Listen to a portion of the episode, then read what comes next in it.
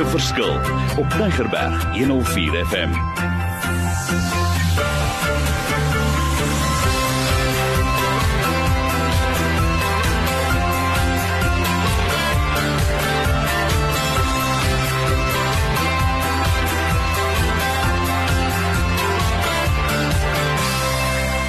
Wonderlik goeiedag. My naam is Mario Denton. Die onderwerp van karakter is werklik vir my 'n ding wat ons moet meer oor gesels en dis hoekom ons 'n reeks van lekker praatjies hier oor gesels het.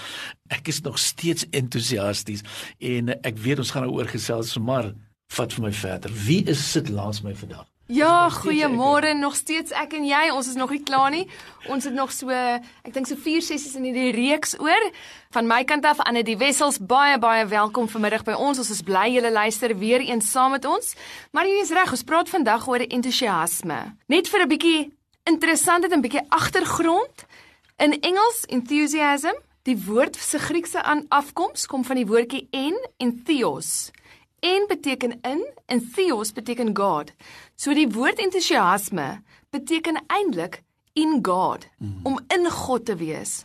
Omstandighede is dus nie die bepalende faktor of jy vol entoesiasme is of nie. Jy kan 'n introwert wees en vol entoesiasme wees. Dit is nie net die ekstroverte wat vol entoesiasme altyd hoef te wees nie. Hoekom?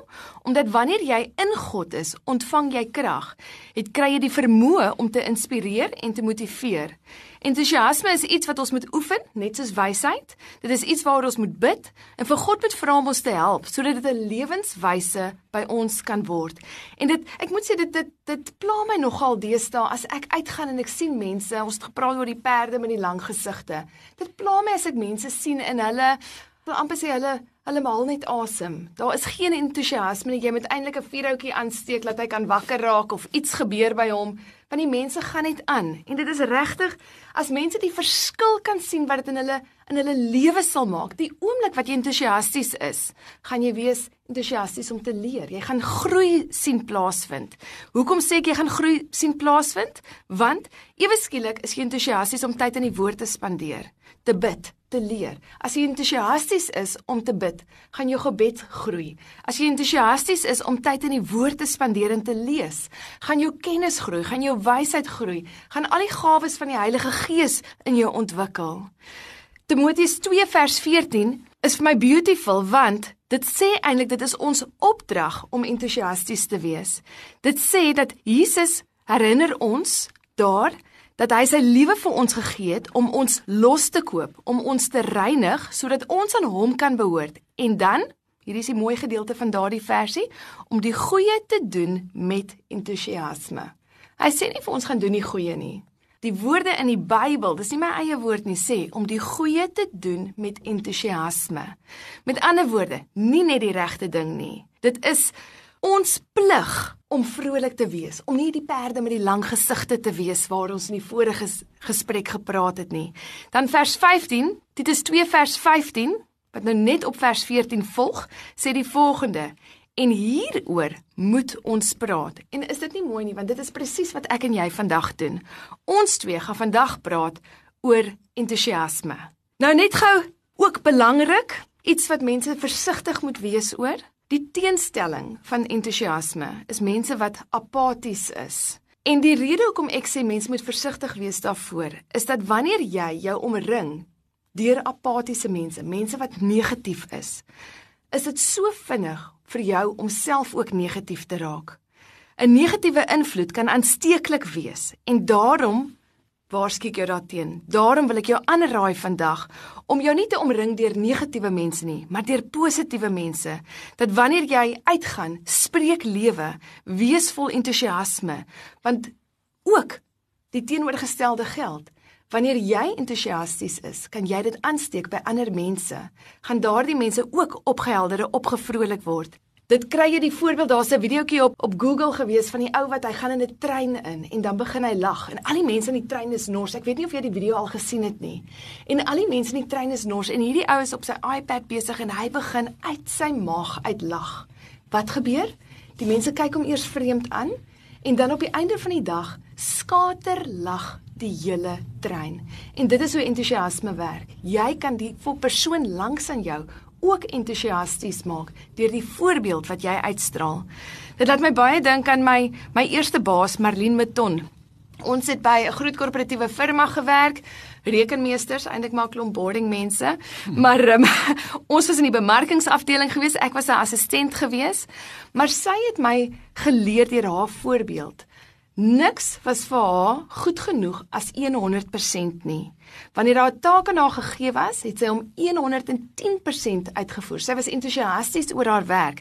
Ek as haar assistent het haar gemimiek. Alles wat sy gedoen het, die manier hoe sy gewerk het, haar werktaktiek, het ek ook gevolg. Ons sal tot 2:00 in die oggend gewerk het, gaan slaap het op 'n enkel bedjie, die volgende dag terug gewees het, want niks behalwe ons beste was goed genoeg gewees nie. Wow. Vir ons luisteraars, hierdie is vir my so lekker onderwerp. Kom ek sê gou hoekom want ek hoor duidelik wat jy sê. Dis nie sommer net opsioneel dis 'n opdrag. Dis 'n opdrag. En ek weet daar gaan mense sit wat sê Mario, my energie is gesteel, my entoesiasme is gesteel.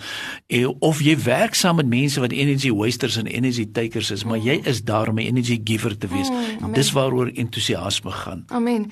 Weet jy wat en dis eers net soos jy sê, dis nie net iets wat baie mense wil doen of nie wil doen nie. Dis 'n opdrag van God.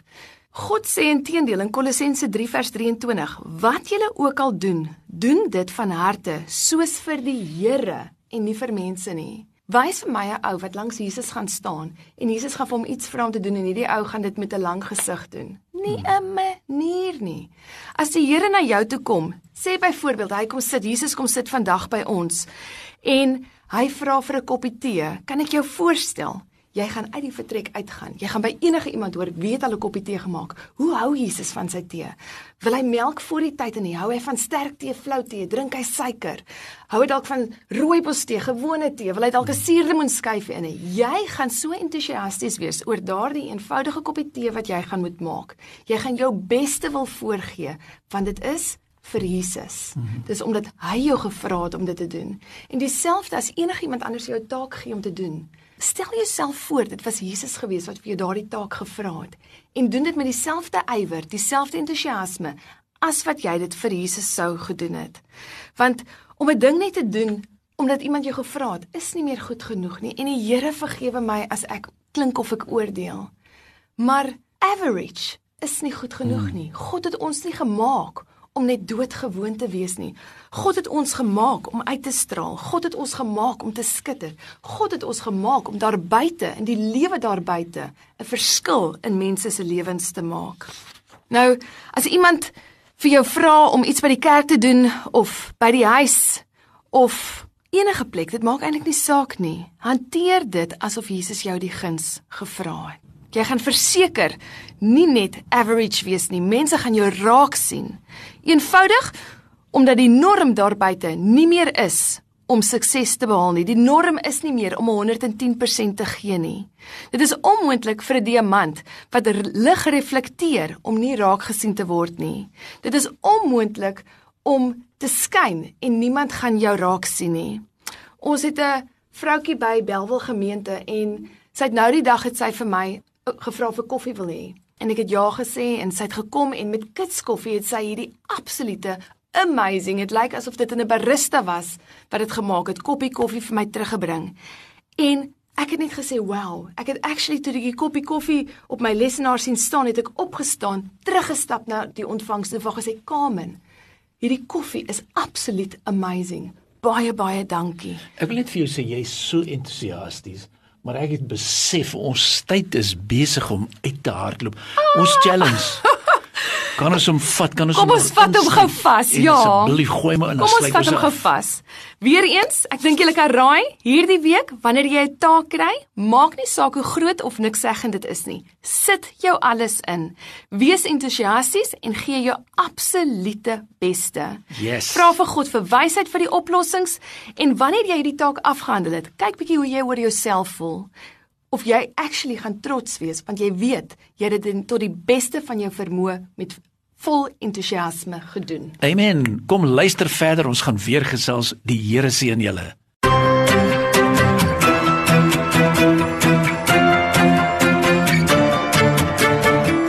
Opnames van Maak 'n Verskil is te kry op Potgooi via Tigerberg 104 FM se app of te wel toepassing.